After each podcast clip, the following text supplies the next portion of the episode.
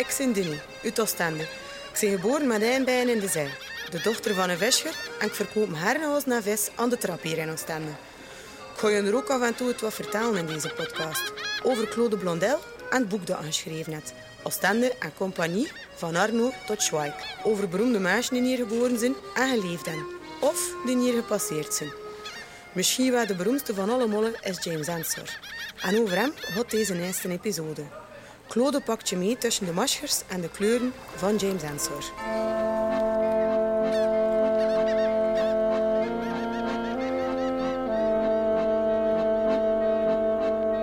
Ik was acht, negen jaar met mijn ouders met vakantie in Oostende. En mijn grootvader die bij ons inwoonde, mijn pp, die, die was met, ons mee aan de kust. En het regende en ik was ontzettend ambetant en ik deed niks anders dan mijn drie zusters treiteren en contraire zijn. En Pepe zei, kom, we gaan, we gaan een trucje doen. En hij neemt mij mee naar het Ensorhuis.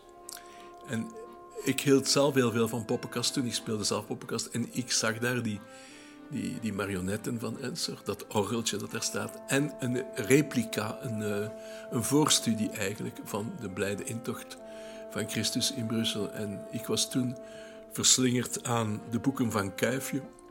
En voor mij was dat in feite één groot stripverhaal. Dankzij ook de uitleg van mijn grootvader. En dat, dat is voor mij de eerste keer dat ik Ensor gezien heb. En door een gelukkig toeval, jaren later was ik in New York, wanneer de tentoonstelling van Ensor in het Museum of Modern Arts daar liep. Ik was zo fier, zo fier. En ben gaan kijken en mijn vrouw zegt, ga je nog eens kijken naar Ensor. Ik zeg, ja, ik moet het hier zien. MoMA, dat is toch wel de tempel. En ik liep daar zo fier om te zeggen, I'm a Belgian uh, journalist and I like James Ensor.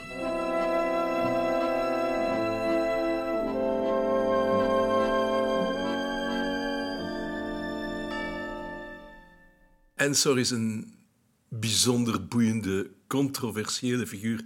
Ik denk dat we nog altijd niet echt het, het genie van die man begrepen hebben. Uh, die heeft gewoon de, de schilderkunst gerevolutioneerd. Ensor is ook Oostende. Ensor heeft dat, uh, dat onwrikbare, dat ambetante eigenlijk, die de Oostendenaar eigen is. En ook dat chauvinistische, want Oostende is niet alleen stad aan de zee, Oostende beats everything. Nu, hij zegt zelf, hij was een duivelskunstenaar, hij schreef uh, heel grappig, hij zegt, ik ben geboren in Oostende op 13 april, op een vrijdag, de dag van Venus. En die Venus zal een grote rol in uh, het leven van Ensor spelen. Van bij het gloren van mijn eerste dag kwam Venus mij tegemoet. Zij glimlachte en wij keken elkaar diep in de ogen. Venus was blond, zij straalde en schuimde, zij rook naar de zilte zee. A goddess on a mountain top was burning like a silver flame,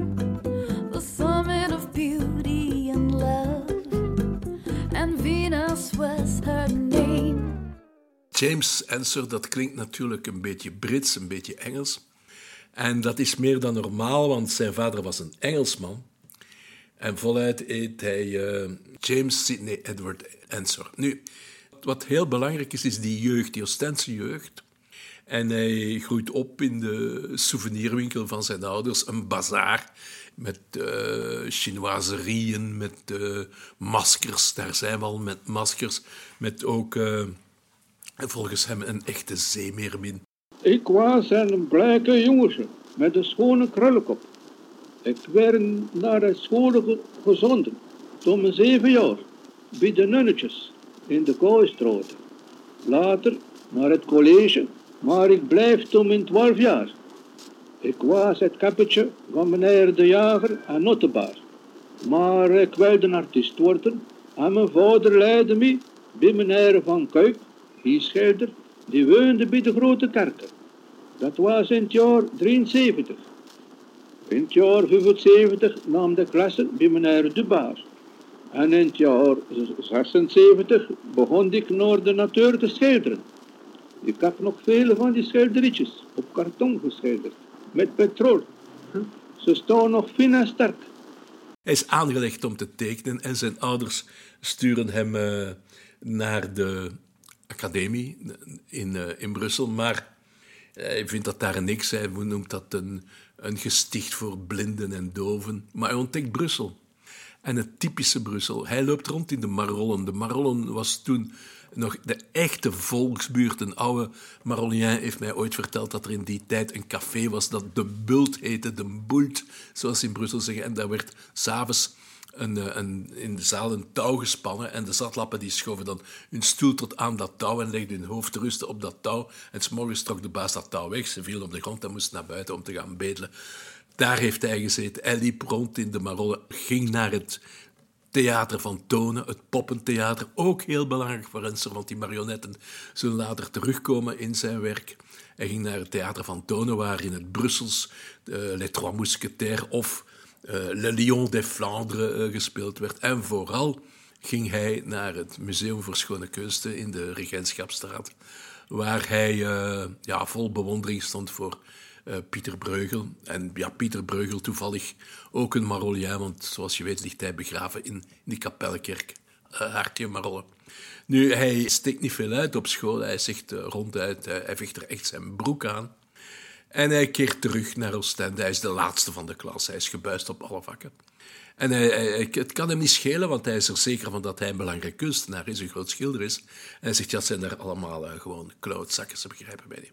Hij komt terug thuis en hij begint te schilderen op uh, zijn zolderkamer bij zijn ouders.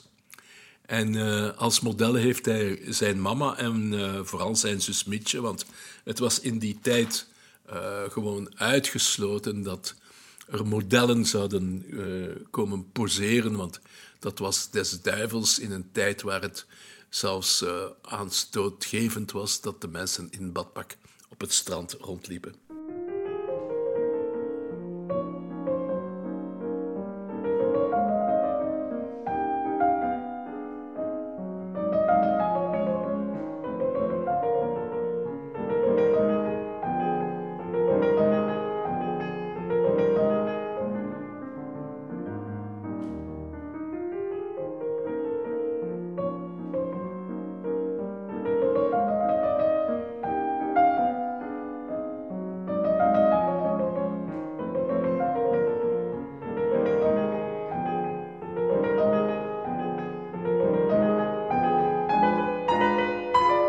Ensor hield van Oostende. Het was voor hem uh, ja, zijn, zijn lievelingsstad. Hij is ook heel weinig, heel weinig weg geweest, behalve zijn uitstap naar Parijs. Maar voor de rest was hij nogal honkvast. Hij werd ook zeer geëerd door de Oostendenaars. Hij wandelde op de dijk, hij ging naar het cursaal. Men noemde hem het uh, wandelende standbeeld. Het zijn prachtige foto's van Maurice Anthony. Uh, en je ziet hem stappen. Het is echt iemand die zich zeer serieus nam. Hij wist dat hij een belangrijke kunstenaar was. En uh, ja, hij, werd op de handen gedragen door, uh, door de bewoners. En er is ook zoiets dat bij hem altijd terugkomt, namelijk die maskers. En elk jaar is er in Oostende een carnaval, en als het goed weer is tenminste. En uh, dan is er ook een soort maskerwedstrijd. Elke Oostendenaar koopt dan een masker. En hij vormt dat masker om. En dan is er op het Wapenplein een jury de dag van carnaval. En dan wordt de man met het mooiste masker, die, of de vrouw met het mooiste masker, die wordt dan beloond. En tot op hoge leeftijd zit Ensor in die jury, warm ingeduffeld met een sjaal en de hoed tot over de oren getrokken. En dat zegt genoeg. Dat is belangrijk voor twee dingen. Ten eerste zijn liefde voor Oostende en het Oostense volk. En ten tweede zijn fascinatie voor het masker. Want Ensor is de man die het, eh, het mombakkes, die de tweede natuur van de mens helemaal heeft doen herleven. Het is een soort van psychanalyse in feite. Een ander aspect bij Ensor, dat, omdat we nu toch over psychanalyse hebben, dat is zijn, zijn relatie tot de vrouwen, die, die toch heel, eh, heel dubieus is. In januari 1888 ontmoet hij uh, een zekere Augusta Bogaars, die iets komt kopen in de winkel van zijn moeder. En ja, daar was wel iets tussen die twee, maar is nooit geweten tot hoe ver ze gegaan zijn. Nu, feit is zo dat uh, de moeder van Ensor, en Ensor lag echt onder de sloef van zijn ma, dat die, die moeder zeer tegen, die, tegen een mooie mogelijke relatie gekant was. Nu, Ensor en de vrouw, dat is ook iets uh, aparts. Hij heeft het een paar keer uitgedrukt. Er is een klein schilderijtje van hem, dat heet L'Appel de la Sirène, de roep van de sirene. En daar zie je een uh, volslanke dame in badpak die uh, hem uitnodigt om tot bij haar te komen. En hij is een schriele, magere man die heel aarzelend het, de trappen van het badkarretje afdaalt. Zij is een en al uitnodiging, maar je ziet dat hij nogal, nogal bang is uh, voor die vrouw. En er is een mooi getuigenis van Karel Jonkeren. Uh, Jonkeren, de, ook de Oostendenaar uh, en schrijver, ambtenaar die Ensor een beetje gekend heeft en een boek geschreven heeft, herinneringen aan James Ensor. En ik ga even spieken en citeren. Ik vroeg hem eens wat hij tegen het vrouwvolk had, daar hij het immers toch niet intiem kende. Zijn antwoord loste niets op. Het zijn allemaal zottinnen en kosten veel geld, wat hem toch niet belette levenslang een vriendin te koesteren. En in een brief aan Aristork schrijft Ensor de lijfelijke vrouwelijke geest krijgt mij even in zijn macht. Ach, de vrouw en haar masker van huid en haar, van de levend vlees, dat al gauw een kartonnen mombakkes wordt. Ik denk, maar enfin, dat is mijn, uh, mijn mening, ik denk dat hij eigenlijk schrik had van de vrouw en vandaar dat hij ze begon te, verwerpen, begon te haten.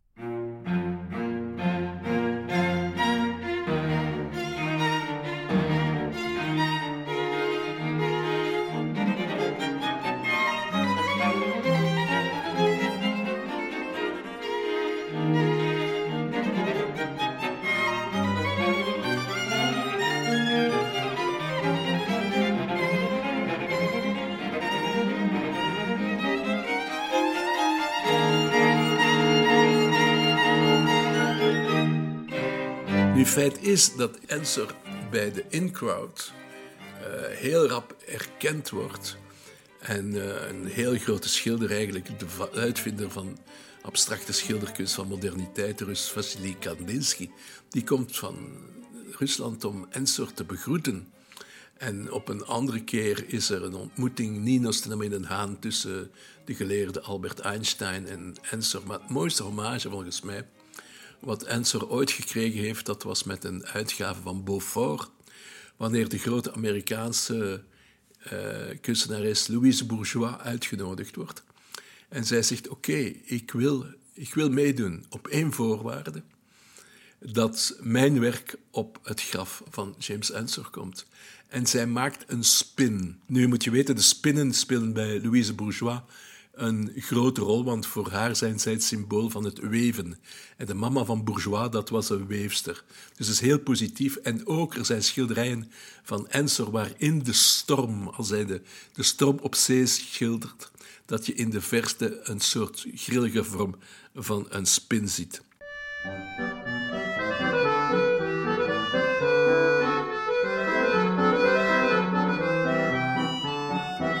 Ik zei het al dat het een duivelskunstenaar was. En we mogen niet vergeten dat hij ook uh, harmonium speelde. Een vriendin had hem een harmoniumtje cadeau gedaan.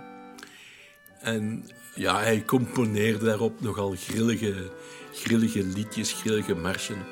En hij speelt zelf nogal, nogal onhandig, vooral met een voorliefde op de zwarte toetsen. En een van die stukken die hij gespeeld heeft, was Cam d'Amour. Er is ooit sprake geweest dat dat een ballet zou worden door Les Ballets Russes, maar uiteindelijk is het tot, uh, doorgegaan uh, in de opera van Antwerpen. Heel veel applaus en, en ze was zo trots als een pauw. Hij was heel blij. De Oostenrijkse schrijver uh, Stefan Zweig zegt iets heel mooi over hem. Uh, en zo was een bizarre man die meer fier was over zijn onhandige polkas die hij schreef dan over de prachtige schilderijen die hij maakte.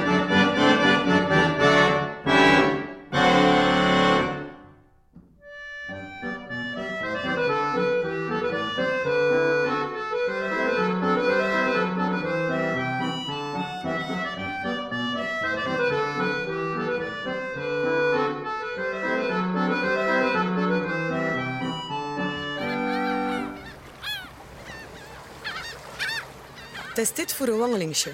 Claude Blondel gaat naar het museum in de Romestraat. Want daar hangt er een paar schone werken van James Ensor. En een speciale vleugel van het museum. Bijvoorbeeld de Oosterreedster. Dat is een van mijn geliefkoosde schilderijen van James Ensor. En dat is zo sensueel. Je ziet die volslanke dame, zal ik zeggen. Dat zijn, zijn zus Mietje, want het was uitgesloten dat er andere vrouwen dan zijn mama of zijn zus voor hem zouden poseren. Want er was modellen inhuren was uh, des duivels. Moet ook gezegd worden dat bij de modellen soms vrouwen van lichtere zeden waren. Maar uh, hier zie je dus uh, die zus van hem. Met, is nogal met grove borst, borsteltrekken geschilderd. En ze neemt een oester, een witre d'Ostende. Zalig, smeuig, krijgt water van in de mond. En dan heb je die flessen, die, uh, die flessen witte wijn, zo te zien is het Sancerre of Chablis. En uh, dat doek werd afgedaan als vulgair en uh, ordinair en slecht geschilderd. Ja, een, een, dame die zich duidelijk zit te verkneukelen, te smikkelen in het aardse genot. Dat moet aanstoot gegeven hebben. Maar wat men ook zo schandalig vond, dat is die flessen die er staan. Er staan twee flessen wijn. En uh, toen Ensor dat hoorde, zei hij, ja, maar zeg, die flessen, die staan daar gewoon voor de speling van het licht. En als je goed kijkt, zie je dat in dat goudgele van die Chablis, zie je gewoon hoe de zon daarin speelt. En hij zegt, en daarbij, dames en heren, de flessen zijn nog dicht, dus de dame zit niet daar uh, maar te drinken. Maar wat mij nu opvalt, dat is dat die dame daar eigenlijk niet alleen zit. Er is iets gebeurd. Want kijk, links van het schilderij staat een tweede bord. En op die stoel is er, ligt er een servet. Dus volgens mij, ik fantaseer, ik fantasmeer, maar kan, ik heb altijd fantasmes als ik dames die oesters eten. Volgens mij zat daar een heer en die hebben ruzie gemaakt. En die heer is kwaad opgestaan, heeft zijn servet daar gegooid en is buiten gegaan. De klootzak, hij weet niet wat hij gemist heeft.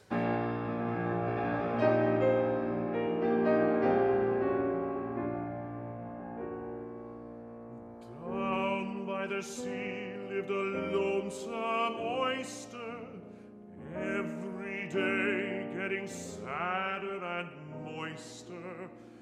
He found his home life awfully wet and longed to travel with the upper set. Poor little oyster. Fate was kind to that oyster, we know, when one day the chef from the park casino saw that oyster lying and said, I'll put you on my bill of fare. Lucky little oyster. Ja, de, de is mijn lievelingsschilderij, maar het meest beroemde schilderij van het meest indrukwekkende is in feite het werk dat hij gemaakt heeft, de intocht van Christus in Brussel.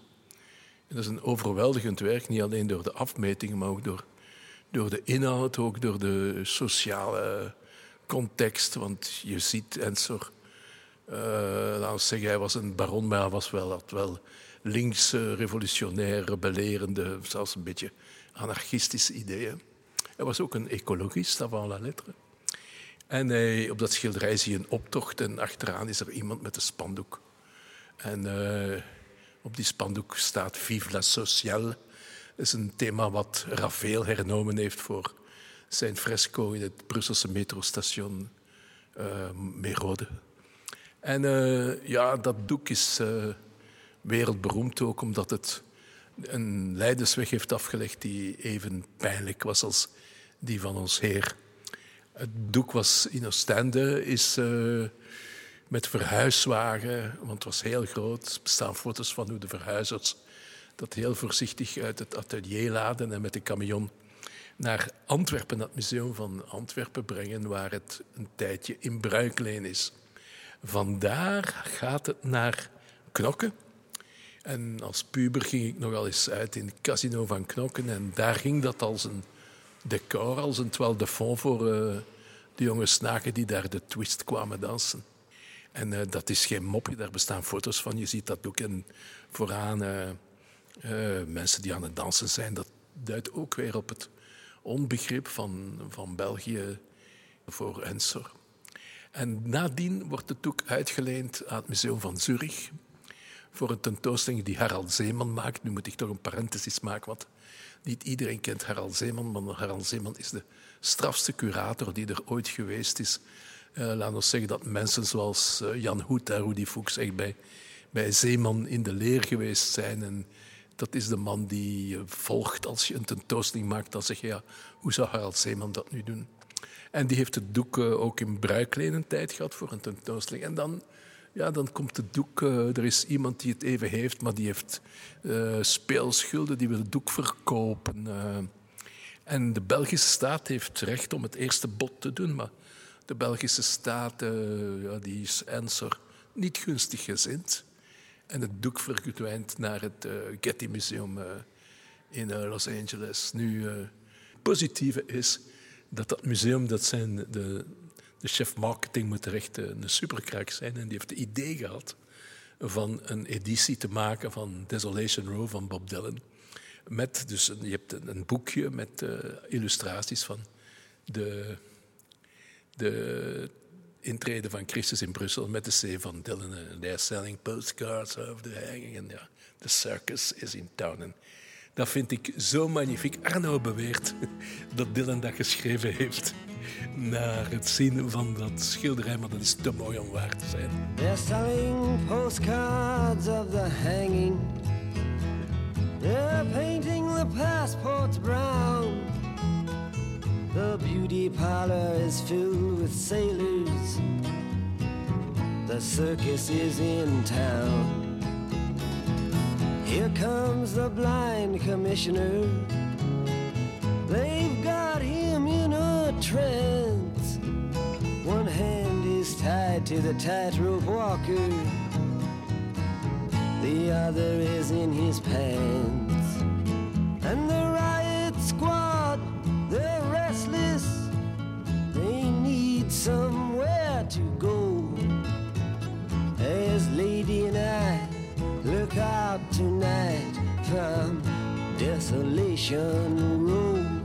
stout geweest tegenover België, maar hier in het museum, in Oostende, in het museum, wordt een prachtig inhaalmanoeuvre gemaakt. Tegenover James Ensor met deze toch wel wonderbaarlijke Ensor-vleugel die, die je niet genoeg kan bekijken. Bij mij, iedere keer ik in Oostende ben, kom ik hier kijken en ontdek ik meer en meer en zie ik meer en meer en word ik bewust van wat een genie die James Ensor geweest is. Ensor was ook uh, echt geobsedeerd door de zee en door het licht.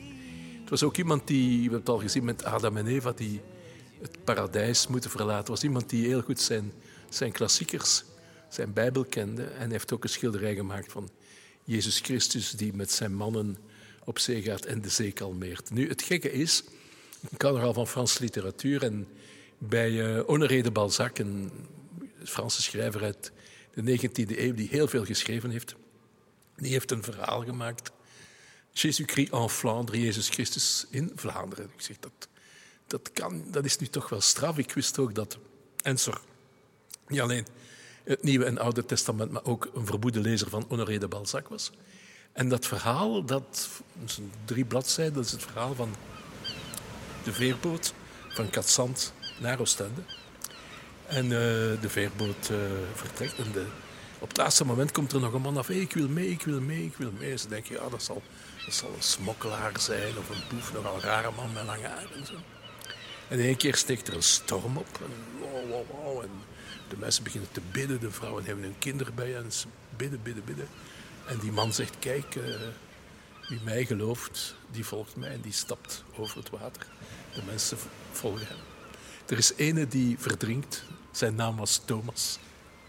En uh, hij redt al die mensen en dan komt, komen die mensen, de boot zinkt, maar die mensen komen veilig aan in Oostende. En de legende, het verhaal van Balzac zegt dat daar nog altijd voetsporen zijn van Jezus toen hij aankwam in Oostende.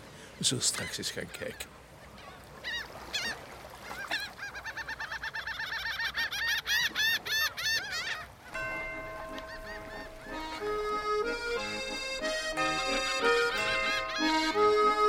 Voilà, dat was de eerste episode van Oostende en Compagnie.